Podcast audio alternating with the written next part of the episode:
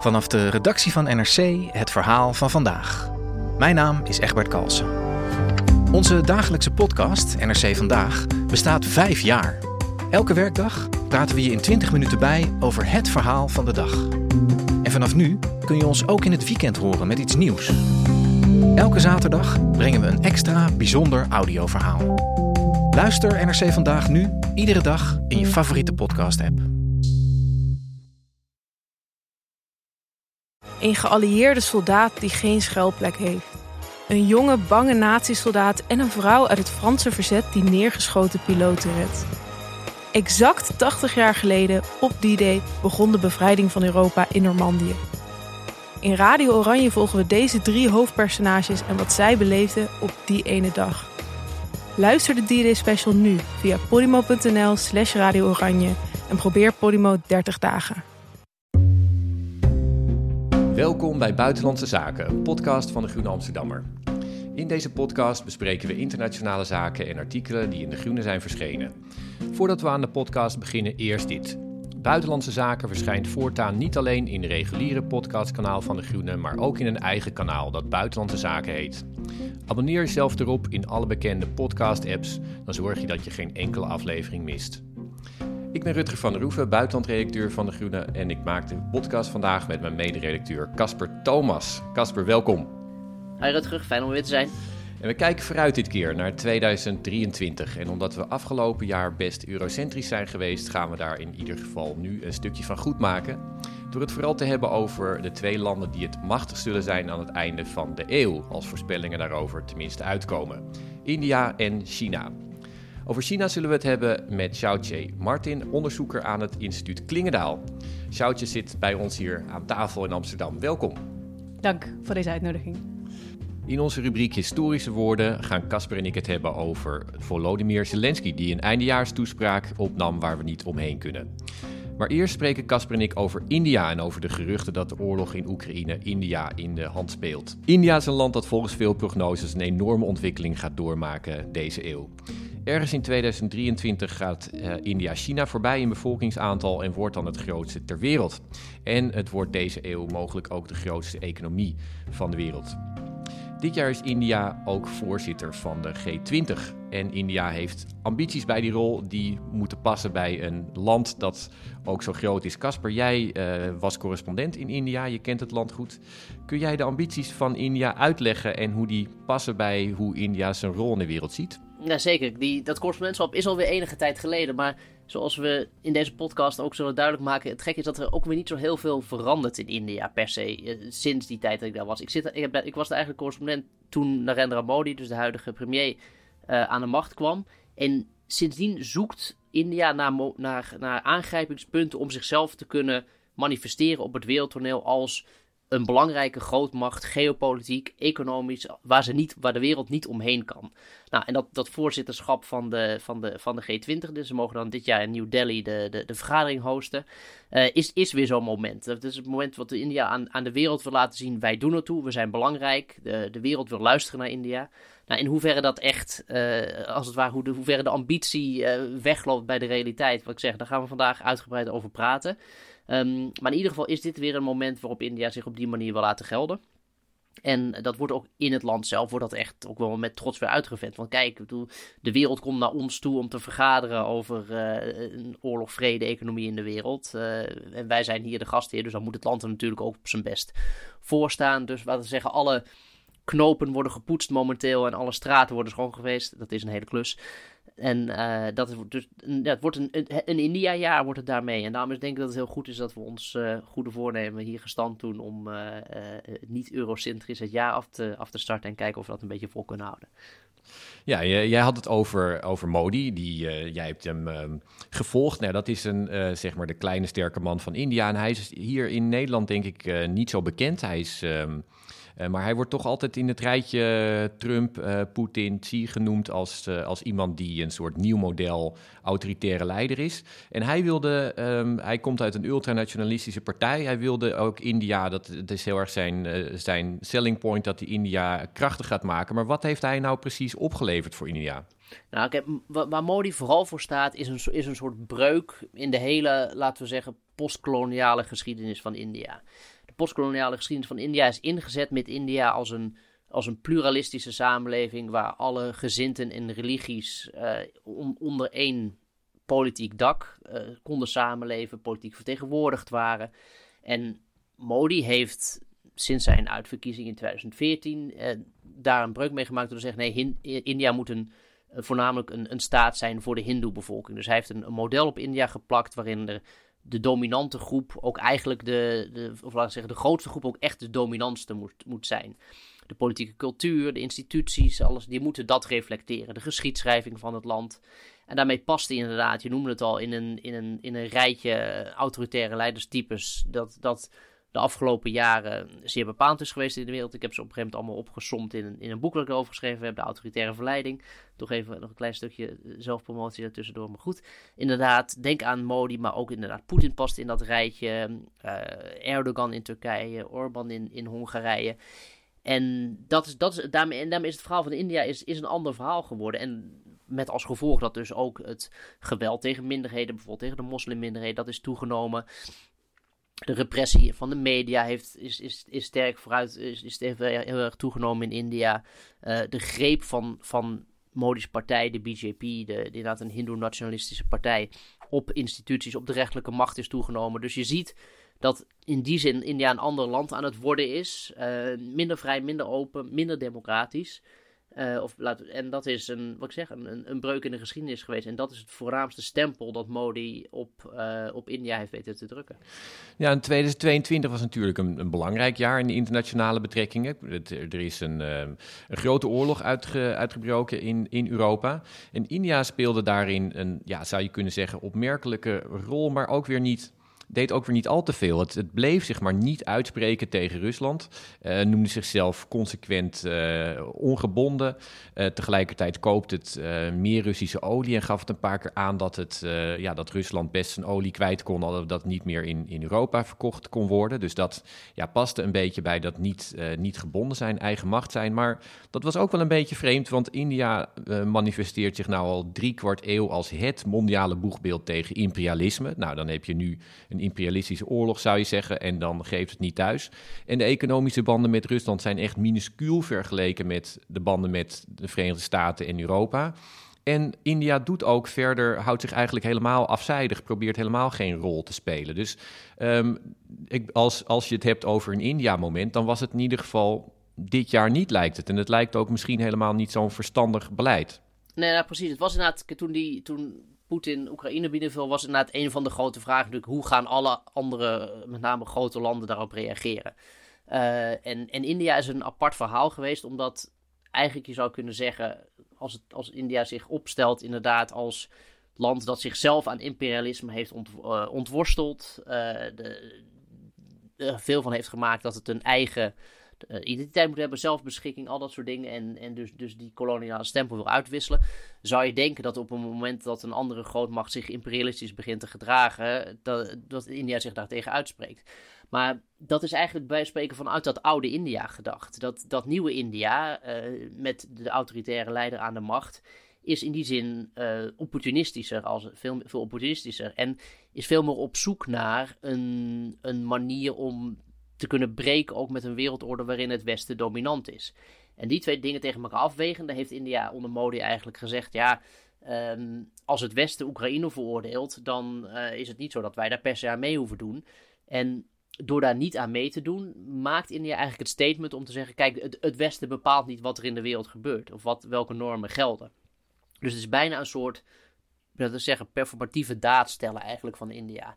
En inderdaad, en, en India laat ook gewoon heel naakt en openlijk zien. Wij streven alleen maar ons eigen belang naar. Dus wij gaan die Russische olie, die nu een stuk goedkoper is geworden, omdat de rest het niet meer wil hebben, uh, kunnen wij heel goed gebruiken om onze economische motor draaiende te houden, letterlijk en figuurlijk.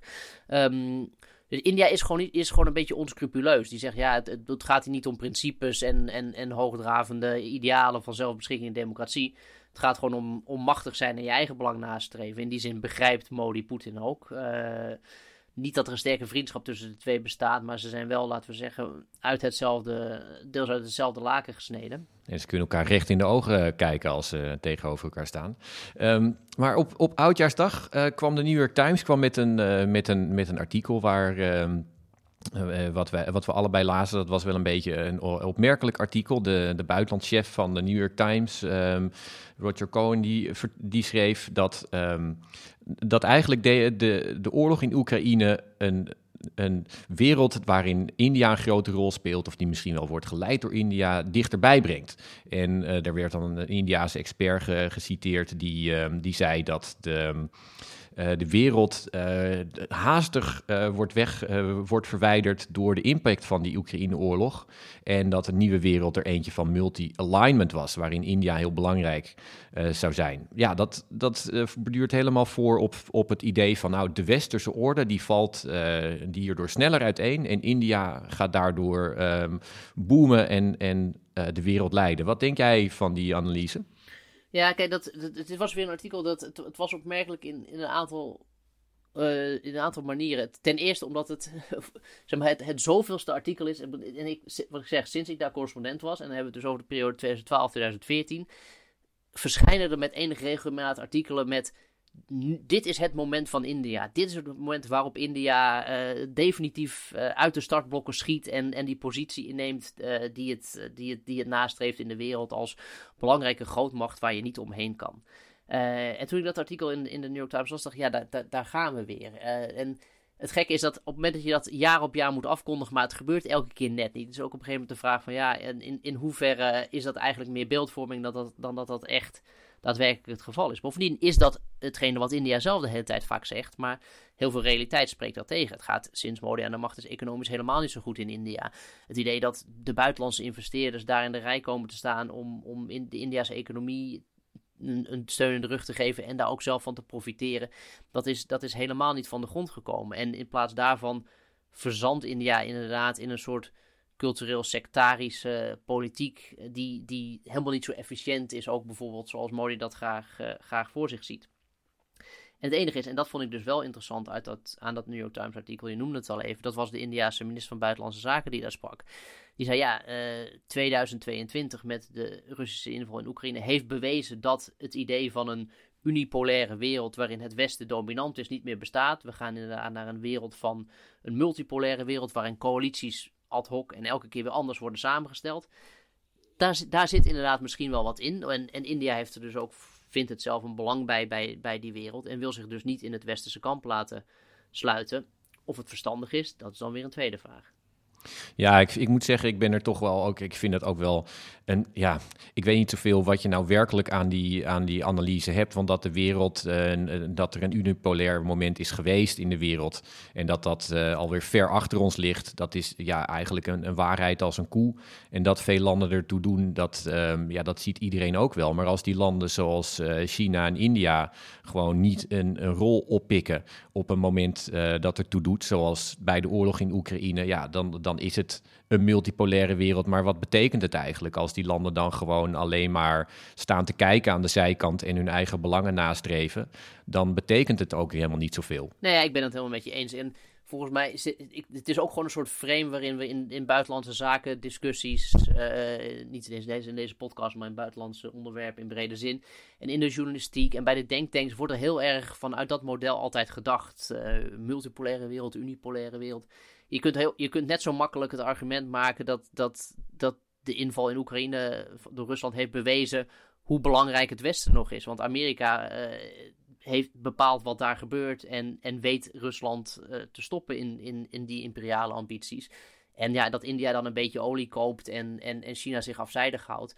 Kijk, maakt, maakt dat het verschil? Dat is inderdaad, inderdaad een goede vraag. Dus misschien moeten we een beetje af eigenlijk gewoon van dat hele model om daar naar te kijken. Zeg, misschien kun je, uiteindelijk schiet India zichzelf misschien juist wel in de voet. Want uh, het land op zichzelf redt het niet. Daar is die economie niet, niet, niet sterk genoeg voor. Is er, is er te weinig uh, goede productie, werkgelegenheid en dat soort dingen. En politieke efficiëntie in het eigen land zelf. Dus die... En door zich niet, door zich niet uit te willen uitspreken en, en niks te willen doen om Ruslands eh, inval in Oekraïne te voorkomen, maakt India zich niet populairder binnen het, in het Westen. En, en de vraag is nog steeds, zijn ze echt zo nodig als ze zelf denken dat ze zijn? En niet, en niet belangrijker in de wereld. En als je op de G20 een leidersrol wil spelen, dan uh, moet je ook een, een, bepaald beleid hebben, zou je zeggen. Maar je, je, had het net over, wat eigenlijk wat je, wat je schetst, is dat India stagneert sinds, sinds Modi. Terwijl Modi juist degene is die, uh, die vertelt dat India dankzij hem een, een belangrijk land is geworden. Ik bedoel, dat is dus uh, een, een vrij, dat komt op vrij gespannen voet met elkaar te staan, zou je zeggen. Ja, dat klopt. Kijk, en Modi heeft India niet tot belangrijk land gemaakt. India is niet, gek genoeg, niet veel belangrijker geworden sinds, sinds Modi er zit. Dat is misschien een, een wat, wat bouwde uitspraak. Maar in ieder geval, ik denk dat zijn invloed niet de bepalende factor is geweest of het land meer gewicht heeft gekregen in de wereld, al dan niet. Dus, um, Hij maakt er meer een verhaal van dan een feit. Nou ja, dat, dat is het. En daarmee past Modi eigenlijk in een. We hadden het net over dat autoritaire leidersrijtje. Ik was deze kerstvakantie een interessant boek aan het lezen. Dat heette Spin Dictators. En dat ging eigenlijk over diezelfde leiders die ik net allemaal noemde. Dus in de, ook, maar ook uh, Xi Jinping in, in, China hoort daarbij. Ze zijn heel goed in, het, uh, in, een, in een heel sterk verhaal vertellen over een land. En dat idee van we doen er toe in de wereld hoort daar, onder, hoort daar, echt, hoort daar echt bij. Het boek is geschreven door een Amerikaanse politiek wetenschapper en een, en een Rus, uh, Sergei Guriev en Daniel Treisman. Die zeggen eigenlijk, ja, die, die spin-dictators, ze, ze, ze, geven een heel, ze vertellen een heel goed verhaal en daarmee krijgen ze een groot deel van het land achter zich. Het is ook een uitsluitend verhaal, want het gaat altijd over een meerderheid en een minderheid die, die er niet toe moet doen. Maar als je eigenlijk kijkt naar, naar de feiten, wat ik zeg, is het meer, is het meer spin dan, dan realiteit. En ik denk dat we dat ook wel gewoon een beetje gezien hebben de laatste tijd. Uh, met de inval in Oekraïne heeft Poetin ook bewezen eigenlijk hoe, hoe zwak Rusland economisch ervoor staat. Of hoe, en, dat het, en het is dus blijkbaar bereid om de eigen, de eigen economie te graven te dragen om een, om een bizar imperialistisch project na te streven.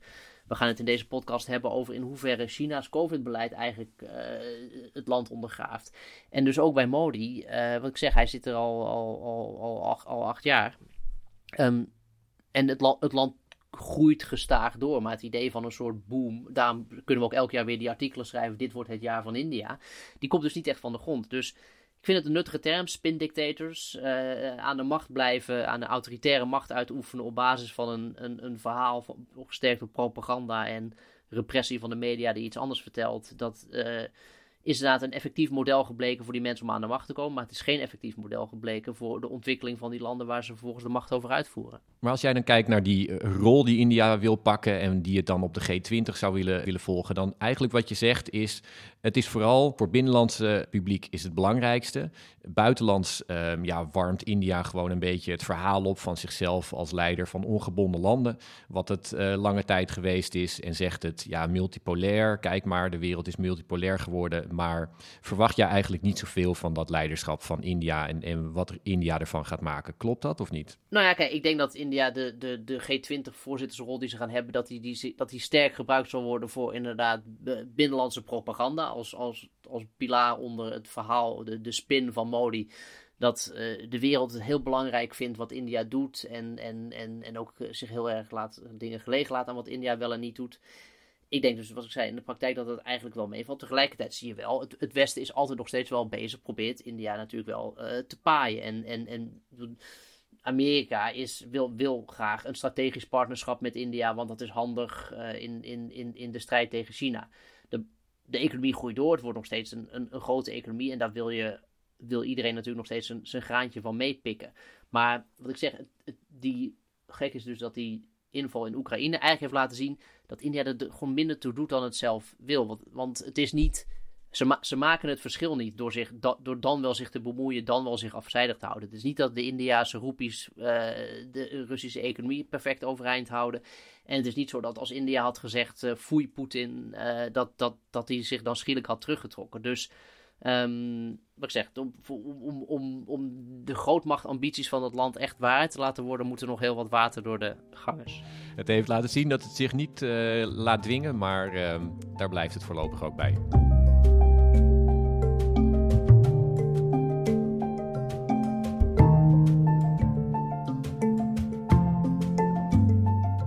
En dan nu historische woorden, onze rubriek waarin we een citaat bespreken van een politicus uit de afgelopen weken dat zomaar historisch zou kunnen worden.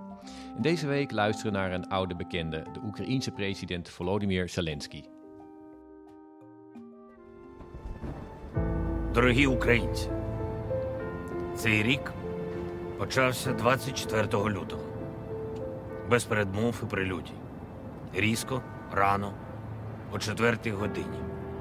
Було темно, було гучно, багатьом було складно, комусь страшно. Минуло 311 днів. Нам все ще може бути темно, гучно і складно. Ja, dit was het begin van zijn nieuwjaarstoespraak en hij begint met het zeggen: Dit jaar begon op 24 februari en vertelt dan over de, de bommen die op Kiev en andere steden vielen. En uh, gaat vervolgens een, een verhaal aan. En het is wel interessant dat, je, dat we het net hadden over spindictators. Want um, de spindictator die, die daar vaak model voor staat, uh, Poetin, die hield ook zijn eigen nieuwjaarstoespraak. En als je die twee naast elkaar zet, dan is er toch wel echt een wereld van verschil.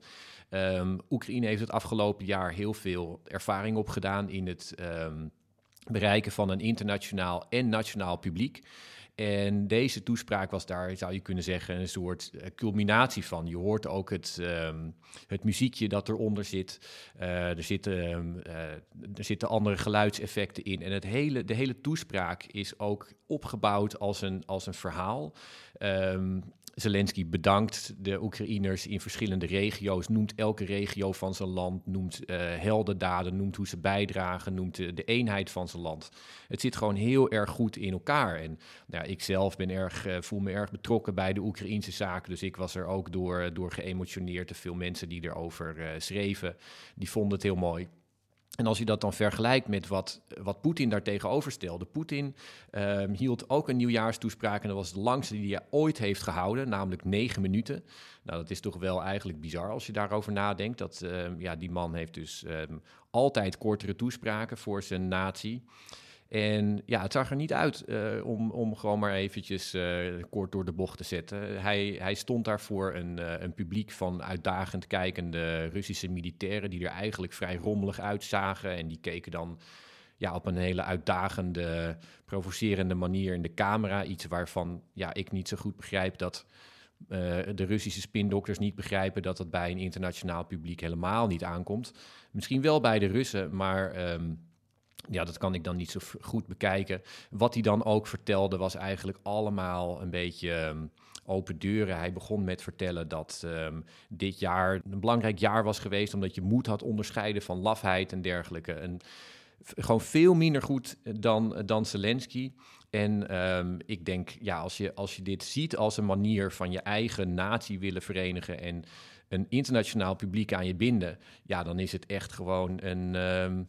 Uh, zeg maar de, de hoofdklasse tegenover uh, de, de zaterdagamateurs. Nou, we hebben natuurlijk het afgelopen jaar veel gepraat over was 2020 uh, het jaar waarin de, de democratie zijn, zijn nieuwe grond onder zijn voeten vond, of in ieder geval een nieuwe uh, wat is het, levensvonk kreeg en, het idee, en, en, en, en, en, en bereid was zichzelf te verdedigen. Uh, en, en ook dat is het jaar waarin juist de autocratieën het masker een beetje van de ogen viel. We praten er in deze podcast ook weer over.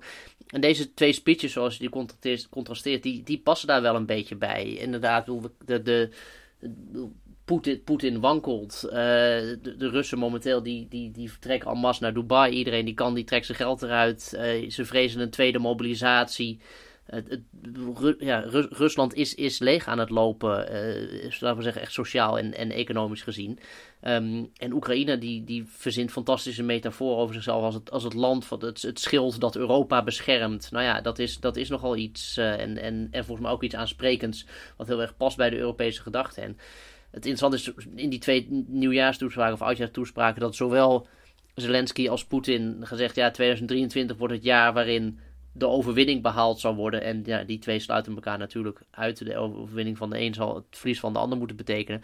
Al is er natuurlijk ook nog het, het, het scenario altijd van een, een, een, een, lang bevroren conflict. En wat dat betreft wordt dit natuurlijk ook echt een, een spannend jaar waarin ik niet. Ja, ik kijk daar niet per se met, met gerustheid naar uit. Uh, hoe, hoe, hoe, het sterke verhaal van Oekraïne gaat gepaard ook met, met een inderdaad sterke daden van Oekraïne. En hoe, hoe, hoe, slechter het gaat met, met Poetins dwaze ambitie, hoe, hoe, hoe gevaarlijker dat misschien wel kan worden. Dus wat dat betreft ja, weet niet. Wordt het, vind, ja, ben ik toch een beetje dit jaar zenuwachtig begonnen, denk ik. Ja, en deze twee, uh, ik bedoel, het nieuwe jaar begon, uh, begon letterlijk met een, uh, een HIMARS-aanval van Oekraïne, die mogelijk honderden Russische doden heeft gemaakt. En um, Russische drone-aanvallen op Oekraïnse steden. Dus. Um, ja, een, een heel bloedig begin uh, achter deze woorden. En inderdaad, um, dat belooft voor het komende jaar natuurlijk uh, ook weer heel veel slechts. Laten we toch hopen dat hier een, um, op wat voor manier een, een, goed einde aan komt. Maar in ieder geval een, uh, ja, een, een, een, oorlogsjaar wat begonnen is in, in stijl, waarin beide leiders de lijn doortrekken. Waarbij we alleen maar kunnen zeggen dat, dat ook deze ronde in ieder geval op dat vlak met, um, met grote voorsprong door Zelensky is gewonnen. Ik denk dat we ook beide nog wel terug willen zien, zullen zien in historische woorden dit jaar. Dus dat... Ongetwijfeld tot weerziens.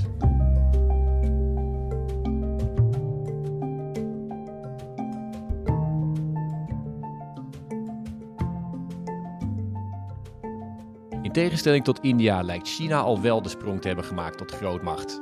We gaan vooruitblikken op het komende jaar in de betrekkingen tussen China en de wereld met Xiaoqie Martin. We gaan het hebben over Chinese steun aan Rusland, over China's dreigende manoeuvres richting Taiwan en over Chinese economische druk op Europa en Nederland. Maar eerst gaan we het hebben over COVID, want dat is zowel dé grote uitdaging waar China op dit moment mee worstelt, als iets dat de Chinese relaties met het buitenland al jarenlang sterk beïnvloedt. En ook op dit moment weer. China hield bijna heel 2022 tegen de klippen op een zero-COVID-beleid vol, maar liet dat in december opeens vallen. En nu jagen de COVID-cijfers omhoog. Maar China wordt heel erg boos als andere landen reisbeperkingen willen opleggen aan Chinese toeristen en belooft tegenmaatregelen. Hoe moeten we dat zien, Sjoutje? En hoe zie jij dat verder gaan als die COVID-cijfers omhoog blijven gaan? Die hele coronasituatie in China die heeft ook echt de China Watchers ontzettend veel koppijn bezorgd. Omdat het zo moeilijk was om te, te voorspellen eigenlijk wat China zou doen, waarom het deed wat het deed, omdat het daar natuurlijk heel erg gesloten over is. Maar wat je nu ziet is, nou, China heeft de teugels volledig losgelaten. Na het, uh, het 20e partijcongres eerder uh, vorig jaar grootste politieke event uh, van China. Um, waren er al wat hints dat ze de, de teugels wat los gingen laten. Maar nu blijkt dus, nou, alle maatregelen zijn weg en corona raast door het hele land. En um, wat China nou doet, is die cijfers die uit China komen over coronabesmettingen, over andere statistieken, die zijn altijd een beetje problematisch. Je kan niet heel goed checken of ze kloppen of niet. En nu zeker bij de coronabesmettingen en de cijfers die uit China gerapporteerd worden, weten we eigenlijk, nou, daar klopt helemaal niks van. China weet het zelf ook, omdat er zoveel, ja, er is gewoon zoveel corona, dat het niet lukt om bij te houden wat de cijfers zijn, ook al zouden ze dat willen. En daarnaast is er natuurlijk een extra reden om niet echt heel duidelijk te zijn over die cijfers. Uh, dat het ja, een falen van het beleid is, van, uh, van het coronabeleid. Het ziet een beetje uit alsof China um, ja, een soort van fouten of een beetje een, uh, een, een onverstoenlijke houding naar de buitenwereld als het om COVID gaat vasthoudt. Zie je dat ook zo of niet? Ja, dat is natuurlijk het probleem van zo'n autoritaire staat. Je zag uh, ten tijde van Trump dat uh, China inderdaad het narratief opeens veel assertiever ook ging maken, agressiever in veel gevallen. En corona deed er nog een schepje bovenop. En in de eerste fases van corona was China echt bijna aan het opscheppen van kijk hoe goed wij het doen. Komt omdat we dit politieke systeem hebben.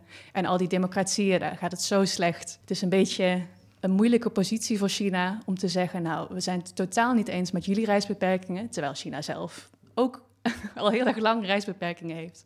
Uh, een coronatest uh, die negatief moet zijn voordat je vertrekt, andere visumbeperkingen. Um, en ja, als andere landen nu iets terug willen doen, gaat het opeens op de hoge poten staan om te zeggen, nou, hier zijn we het niet mee eens. We komen met tegenmaatregelen. Nou, wat dat dan precies is, groot vraagteken. Uh, China dreigt ook heel vaak met tegenmaatregelen en dan gebeurt er niks. Dus dat, is, ja, dat weten we gewoon nog niet of er iets komt. Het is wel een beetje de vraag of we iets hebben aan inreisbeperkingen. Andere landen zoals uh, Japan, uh, de VS hebben volgens mij al reisbeperkingen ingesteld. Uh, maar in Europa is die discussie nu dus nog bezig en wordt het advies gegeven: nou, het is wel goed om een, een negatieve coronatest te hebben van Chinese reizigers. Maar he hebben we daar echt iets aan? ik, ik heb daar nog wel een aanvullende de vraag ook over. We hebben hier in Buitenlandse Zaken altijd een soort lopende discussie uh, over welk model werkt nou het beste, het democratische model en het, of het autoritaire model. En daar komen we hier in deze gesprekken vaak op terug. En je zag eigenlijk dat in het begin van de corona-uitbraak, een aantal jaar geleden, dat, dat, dat er een, een soort discussie ontstond van, kijk eens, het, het, het, het lijkt een land als China beter te lukken aanvankelijk dan, uh, dan, dan westerse landen om, om zoiets onder controle te krijgen. Maar dat nou, lijkt nu weer een beetje ingehaald door de, de realiteit. Uh, kijk jij ook vanuit die bril een beetje naar deze discussie? Uh, of, of is dat, wat ik zeg, het wisselt elke keer weer naarmate de realiteit voordat Dus ik begin zelf ook een beetje te twijfelen hoe, hoe nuttig het is om er op die, deze manier over te praten. Maar ik ben benieuwd wat jouw gedachten daarover zijn. China zelf die hield heel erg vast inderdaad aan het narratief dat ze door het autoritaire systeem beter konden reageren. Maar tijdens de coronapandemie waren er eigenlijk al hele goede tegenvoorbeelden. Uh, Zuid-Korea, Taiwan, daar werd corona veel beter aangepakt dan in, uh, ja, moet ik echt zeggen, ook in Nederland en Europa. Terwijl het wel democratieën zijn. Dus dat was een hele sterke tegencasus van het narratief van China. Um, ja, wat je ook ziet bij China is, het is heel goed in heel groot beleid aankondigen, maar dan aanpassen van het beleid of weggaan van een koers die ze gezet hebben en dan daar flexibel in zijn, omdat het zo'n groot land is, omdat het een uh, communistische partij aan het hoofd heeft, is dat heel moeilijk voor China. En dat zie je nu dus ook in hoe ze corona hebben aangepakt.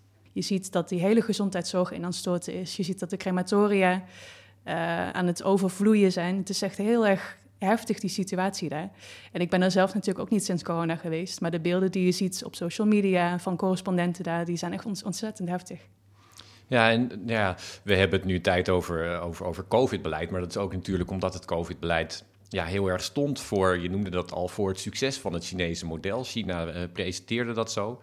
Dat, dat zou ook worden, uh, zo worden uitgedragen, was in ieder geval de verwachting op dat grote politieke uh, evenement waar je het al over had van afgelopen herfst, waar, waar Xi Jinping werd herbenoemd, wat eigenlijk al een ongekende nieuwe termijn was. Hij, eigenlijk ja, zou die volgens de traditie moeten aftreden.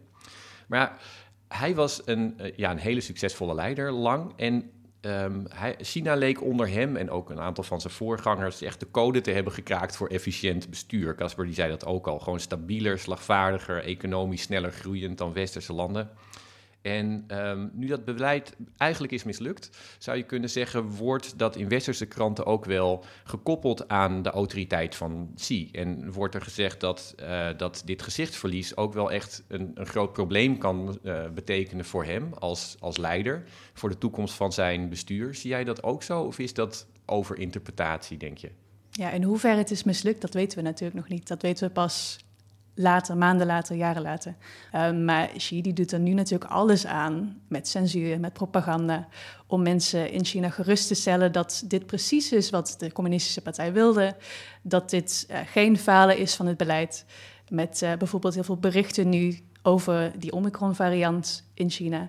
Uh, de berichten worden dan in de staatsmedia gestuurd van nou, het is helemaal geen gevaarlijke variant en besmettingen well, vallen wel mee. Uh, dus er wordt van alles gedaan om te zorgen dat die uh, ontevredenheid binnen China zo klein mogelijk blijft.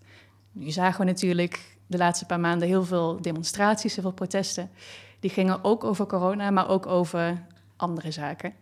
Um, maar de, uh, het voorbeeld wat echt in westerse media opblies, was een protest waarbij mensen op straat met hun gezicht in het openbaar riepen Xi Jinping, Shatai. Dus Xi Jinping moet afstappen. Um, hoe zeg je dat in het Nederlands? Uh, moet opstappen, precies. En dat is natuurlijk ontzettend heftig in zo'n land als China, waarbij je weet wat de gevolgen zijn van zo'n uitspraak. En um, nou, er is natuurlijk weer van alles gedaan om al die demonstranten op te pakken of om te zorgen dat die, uh, de kiemen werden gesmoord. Um, maar er is duidelijk dus wel ontevredenheid over het coronabeleid. In hoeverre dat gelinkt wordt aan Xi Jinping zelf, is heel moeilijk te peilen, omdat je gewoon geen uh, objectief onderzoek kan doen uh, onder de bevolking. Heb je ook de indruk dat, uh, dus als je zegt, nou ja, in, in China probeert de partij dat heel streng te, te, controleren. Als je kijkt naar de wereld zelf, zie jij um, tekenen ervan dat, dat China's autoriteit of China's zelfverzekerdheid in de wereld al een, een beetje onder, onder druk staat door ja, het afgelopen jaar, dat, dat toch niet zo mooi eigenlijk eruit zag voor, voor China? Nou, het is vooral een pijnlijke situatie voor China. Maar wat je ziet bij de Communistische Partij, die heeft ontzettend veel moeilijke periodes doorstaan en is iedere keer flexibel genoeg geweest om toch aan de macht te blijven. Uh, nu heeft het een leider Xi Jinping die ook alle macht naar zich toe aan het trekken is. Dat was onder eerdere leiders wisselde dat. Dan was er ook meer ruimte voor tegenspraak.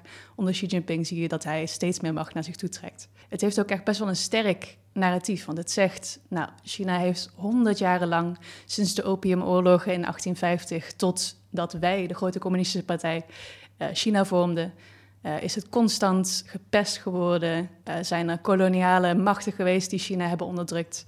En dankzij ons, die communistische partij, zitten we nu op deze positie, waarbij China sterk is, steeds sterker wordt. En dat is natuurlijk een heel sterk narratief voor zo'n bevolking, die ook eindelijk iets heeft om nu trots op te zijn. Een grote, grotere economie. China is nu veel belangrijker in de wereld dan tien jaar geleden. Um, en daarbij hoort ook dat de communistische partij dat nationalisme heel erg aan het aanwakkeren is. Uh, en in staatsmedia hoor je dus ook alleen maar berichten die dat natuurlijk onderstrepen. Um, wat je nu wel ziet, is steeds meer uh, aarzeling bij andere landen over die groeiende macht van China. Aarzeling en ook natuurlijk complete tegenwerking. Nu zie je dat bij Amerika bijvoorbeeld. Um, en ja, die berichten die, zijpelen natuurlijk ook wel bij de Chinese bevolking binnen. Ook al is er, wordt er genoeg gedaan om te zorgen dat er censuur is. Um, als mensen naar het buitenland gaan, hebben ze natuurlijk ook wel discussies met mensen die dan een andere blik geven. Um, maar inmiddels merk je bij heel veel jongeren, die zijn gewoon opgegroeid in het China van nu. Een sterk China, economisch gezien. Um, en nou ja, zij komen dus ook met heel veel trots vertellen over hun China. Je noemde de VS inderdaad, dat is interessant in deze. daar haak ik dan even op aan. Dat de VS heeft gewoon expliciet als beleid gesteld nu onder Joe Biden. We moeten China zo klein mogelijk houden economisch. Zorgen dat ze geen toegang krijgen tot bepaalde technologieën.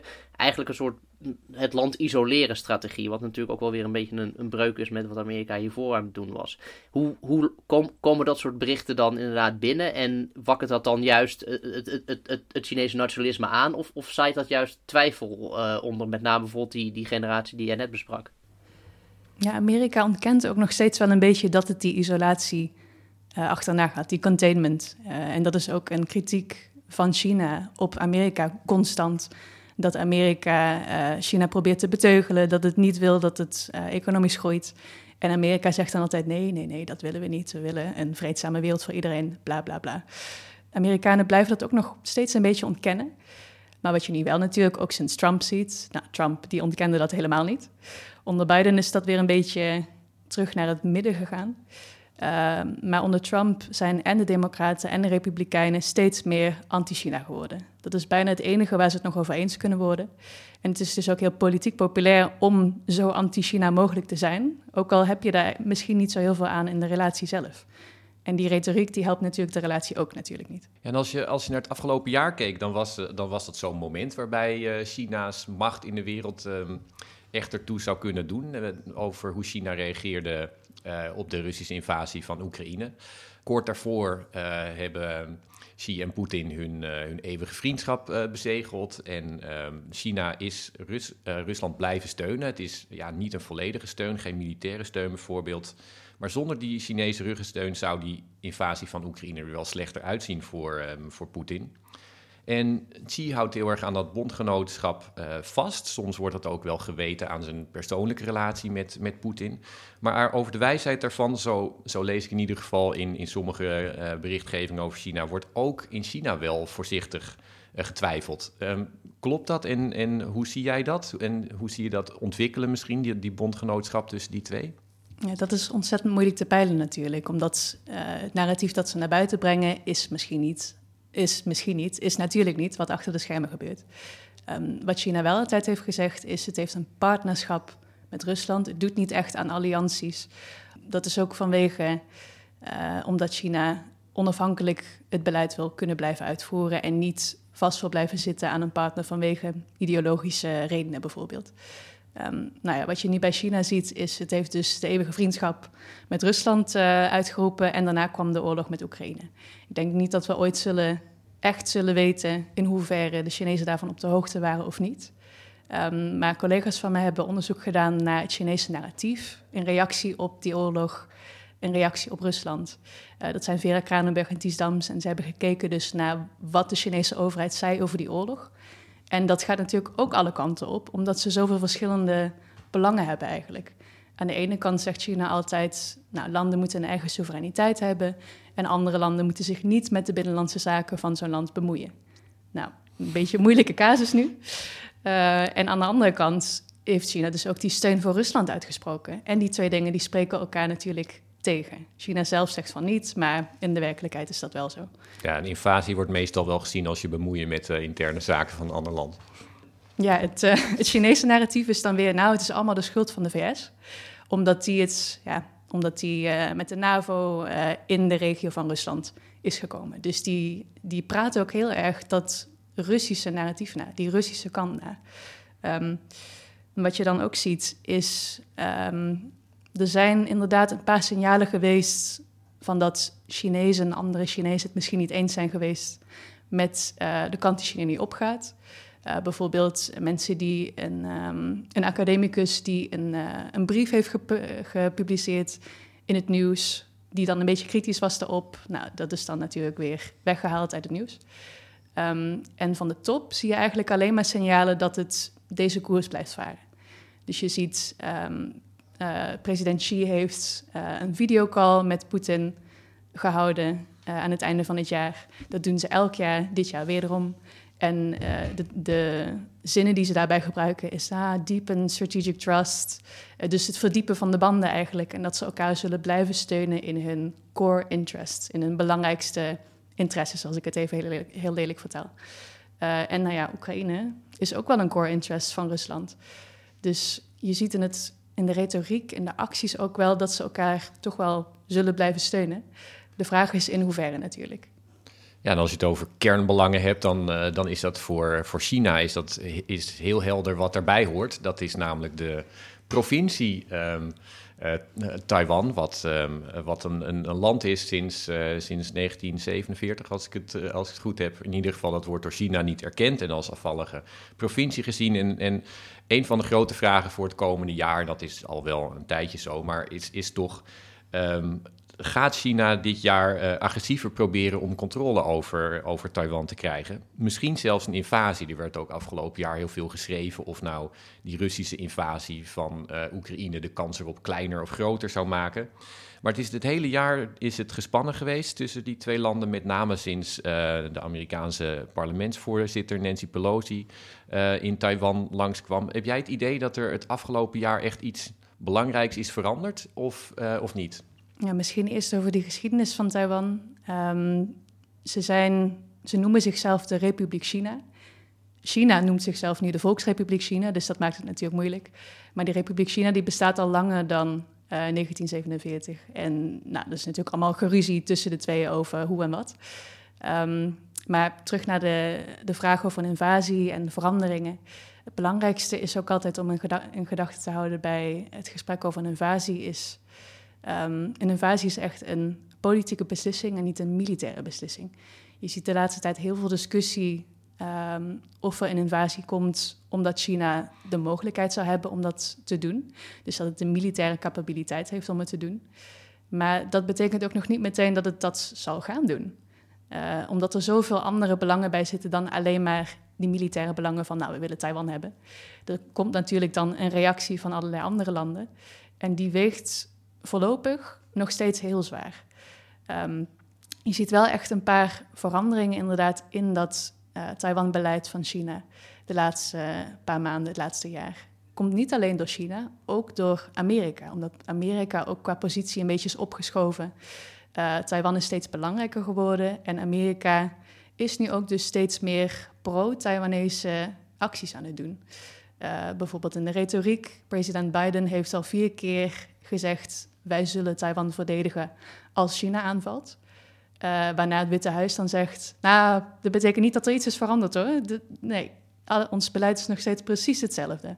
En, want het beleid is eigenlijk van Amerika strategische ambiguïteit. Ze laten het midden wat ze nou precies gaan doen als er iets gebeurt richting Taiwan. Um, China zelf is natuurlijk ook veel sterker geworden economisch, militair ook. Dus dat verandert de situatie ook. Uh, omdat het al jaren zegt, nou wij willen Taiwan het liefst vreedzaam innemen, maar als het moet, dan kunnen we ook militair ingrijpen. Tien jaar geleden kon je daar een beetje om lachen. Nu worden mensen daar echt heel zenuwachtig van. Ja, jij kent uh, Taiwan zelf ook vrij goed. Um, hoe denk je dat, uh, ik bedoel, Taiwan zelf is natuurlijk ook um, ja, hier een, een, cruciale rol in. Hoe denk je dat de ontwikkelingen in Taiwan zelf uh, dat kunnen gaan beïnvloeden, die relatie tussen die twee? De ontwikkelingen in Taiwan die gaan ook voor, vanuit Chinees perspectief echt de verkeerde kant op. Omdat je ziet, uh, die Taiwanese bevolking de jongeren die zijn gewend dat ze in een democratie leven, waar ze kunnen stemmen op een regering. Ze hebben veel vrijheid uh, in hun leven. Dus zij zijn gewoon gewend aan het Taiwan van nu. En steeds minder mensen willen dus die oplossing die China biedt van terugkomst bij het moederland. Uh, de oudere generaties die waren daar wel meer voor te porren. Heel veel van hun kwamen ook vanuit het vasteland van China, dus die hadden ook die emotionele band daar nog mee. Um, maar mensen die uh, opiniepeilingen hebben gedaan door de jaren heen, je ziet echt dat het aantal mensen dat um, positief gezind is tegen China, dat dat echt aan het afnemen is. Dat zie je niet alleen door die peilingen, maar ook natuurlijk in de politieke situatie. De huidige politieke partij in Taiwan is nu de Democratic Progressive Party. En dat is een partij die ja, niet anti-Beijing is, maar ook zeker niet voor. En uh, die is vroeger heel erg uh, voor um, onafhankelijkheid geweest ook. Nu is het iets meer gematigd. Maar die politieke partij die is dus ook totaal niet voor het aanhalen van de banden met Beijing. En Beijing wordt daar heel zenuwachtig door. En als je, als je jij, je noemde natuurlijk een invasie terecht een politieke beslissing, niet een militaire. Er wordt wel uh, soms gespeculeerd dat nu uh, Xi Jinping wat glans uh, verliest. Dat dat misschien juist voor Taiwan slecht nieuws zou kunnen zijn. Omdat het betekent dat, um, dat Xi Jinping misschien juist eerder geneigd zou zijn om zijn ja, afgebrokkelde imago als sterke leider weer terug te winnen door uh, Taiwan toe te voegen. Eigenlijk ja, analoog aan wat Poetin heeft, heeft geprobeerd. Zie jij dat ook zo? Of is dat ja, een, een te simpele blik op hoe de Chinese politiek werkt, denk je? Ja, nou, ik, ik weet het nog niet zo. Um, China hamert zelf ook heel erg altijd op dat ze vreedzame hereniging willen. Dat is niet omdat ze alleen maar dat ook willen, maar ook natuurlijk vanwege de reputatie van China. En Xi weet dat ook als ze stappen zullen ondernemen om echt militair Taiwan in te nemen, dan is die hele reputatie van China weg, omdat ze dus een oorlog zijn begonnen. Um, dus dat is nog steeds echt een reden waarom China niet zo snel uh, een militaire stap zou nemen. Maar er zijn ook heel veel andere dingen die China kan doen, naast echt een invasie die heel duidelijk is dat China met de oorlogsboten naar Taiwan gaat, zeg maar. Ze kunnen uh, economische maatregelen nemen, de export naar Taiwan langzaam laten aflopen. Er zijn allerlei dingen die China kan doen die niet zo duidelijk zijn als een invasie. Um, nou, of het dan helpt voor Xi, dat is natuurlijk de vraag. Want het, het, zou alleen helpen als het succesvol zou aflopen. En militair gezien zou een invasie nu nog niet succesvol kunnen aflopen, waarschijnlijk. Vanwege de capabiliteiten, vanwege uh, Amerika die waarschijnlijk daar misschien uh, iets aan gaat doen. We hebben het uh, tot nu toe deden het over, uh, over China zelf, over, over de regio en, en mondiale politiek. Maar China heeft ook steeds meer te betekenen voor ons. Um, je hebt meegeschreven aan de laatste geo-economische monitor van Klingendaal. En daar zit ook een, ja, een, een belangrijke China-paragraaf in. En jij en je collega's schrijven erin dat China steeds meer gebruik maakt van economische druk en chantage. Uh, jullie schrijven dat China het liefste in het grijze gebied opereert tussen openlijke confrontatie en dingen laten lopen. Dus dat, ze, dat China dreigt, uh, dat het opeens handelsbelemmeringen opwerpt of dat dingen in de handel fout gaan waarvan je dan moet gissen of dat een politieke achtergrond heeft of niet. Um, suggereren dat er dingen kunnen komen. Um, en Nederland is daar ook, uh, zeg je, potentieel een, een slachtoffer van. Dat is ook in Europa afgelopen jaren uh, met andere landen gebeurd. Hoe moet Nederland daarmee mee, omgaan? Ja, we hebben dus onderzoek gedaan, de Geo-economische Monitor, met mijn collega Rem Korteweg. En dat hebben we samen met CEO en TNO gedaan, twee onderzoeksinstituten, uh, voor de ministeries van Buitenlandse Zaken en Economische Zaken en Klimaat. En daarbij hebben we echt gekeken naar economische beïnvloeding van OESO-landen. Dus onder andere Nederland, maar ook bijvoorbeeld Korea, uh, andere landen die niet in de Europese Unie zitten. En de belangrijkste conclusie daarvan was VS, Rusland en China gebruiken allemaal steeds meer economische beïnvloeding tegen OESO-landen. En China eigenlijk het meeste nog daarvan. De, de meeste casussen die we vonden kwamen van China. En ehm, wat je al zei, China doet dat op een hele informele manier.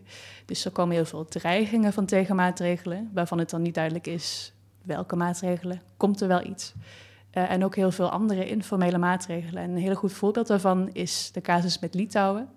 Uh, Litouwen heeft nu ruzie met China vanwege uh, banden die ze aan het aanhalen zijn met Taiwan. ze lieten Taiwan een Taiwanese Representative Office openen en die naam is heel duidelijk een no-go voor China. Ik vind het ook nog steeds een beetje raar dat ze dat hebben gedaan. Want je weet dat China zo gaat reageren. En wat heb je daaraan om die naam te kiezen in plaats van Taipei, wat de gewone titel is. Um, maar nadat het uh, die, die actie ondernam en die kant op ging, merkte Litouwse bedrijven opeens: hè, onze export naar China neemt af. Er zijn allemaal problemen, ik weet niet wat er aan de hand is. Um, en dat is dus echt die informele manier waarop China laat zien. Wij zeggen niet dat er een importstop is, maar uiteindelijk is die er natuurlijk wel. En juist omdat ze het zo in het grijze gebied houden, is het heel moeilijk om uh, te reageren ten eerste. Want je moet het eerst opmerken en daarna genoeg data verzamelen om te weten dat er een importstop is. En ja, wat moet je dan doen als China niet duidelijk zegt: we hebben sancties. Uh, en blijft ontkennen dat het er iets mee te maken heeft met die Taiwanese uh, relaties, dat er dus opeens problemen zijn met de import. Uh, voor Litouwen was het eerst een Litouws probleem. Inmiddels is dat een Europees probleem geworden, omdat ook andere Europese bedrijven die Litouwse producten hebben, problemen zagen met de export naar China. Maar de, de, oplossing kan toch niet zijn van je kijkt wat voor China gevoelig is en dan zorg je dat je nooit iets doet wat, uh, wat China boos maakt. Nee, dat gaat natuurlijk ook precies in tegen die Europese strategische autonomie die Nederland wil nastreven en die binnen Europa nu opeens de buzzword is. Uh, strategische autonomie, dus dat we zelf kunnen beslissen welke kant we opgaan, zonder dat we bang moeten zijn voor dreigementen van China, maar ook van de VS, ook van andere grote machten. En de, ja, de eerste oplossing daarvoor is dat je een gezamenlijk Europees beleid natuurlijk moet doen. We kunnen als Nederland wel van alles zeggen, maar we zijn een klein landje en we hebben echt al die andere landen nodig om een vuist te maken. Uh, en er wordt ook heel veel gedaan al om uh, Nederland en de Europese Unie beter weerbaar te maken. Er wordt ten eerste gekeken naar wat nou die afhankelijkheden zijn van andere landen. Want ja, als je niet weet waar je afhankelijk bent, dan kan je ook niet iets doen om die afhankelijkheden aan te pakken en kleiner te maken als dat nodig is. Sjoutje, heel erg bedankt. Uh, we gaan in ieder geval de komende weken kijken hoe de COVID-situatie zich ontwikkelt. Dat wordt heel erg spannend. En hoe uh, de relatie met China en de wereld zich komend jaar uh, ontwikkelt. Heel erg bedankt voor je, voor je komst hier naartoe. Veel dank. U luistert naar Buitenlandse Zaken, een podcast van de Groene Amsterdammer. Zoals ik al zei, hebben we nu ook ons eigen kanaal Buitenlandse Zaken, waarop u zich kunt abonneren in alle podcast-apps. U hoorde Sjoutje Martin en Rutger van der Roeven vanuit Amsterdam en Casper Thomas vanuit Limburg. De podcast werd gemaakt door Giselle Mijndief. Als u wil reageren, kunt u mailen naar buitenland.groene.nl. Dank voor het luisteren en als u meer van ons wil lezen of abonnee worden van de Groene Amsterdammer, ga dan naar www.groene.nl.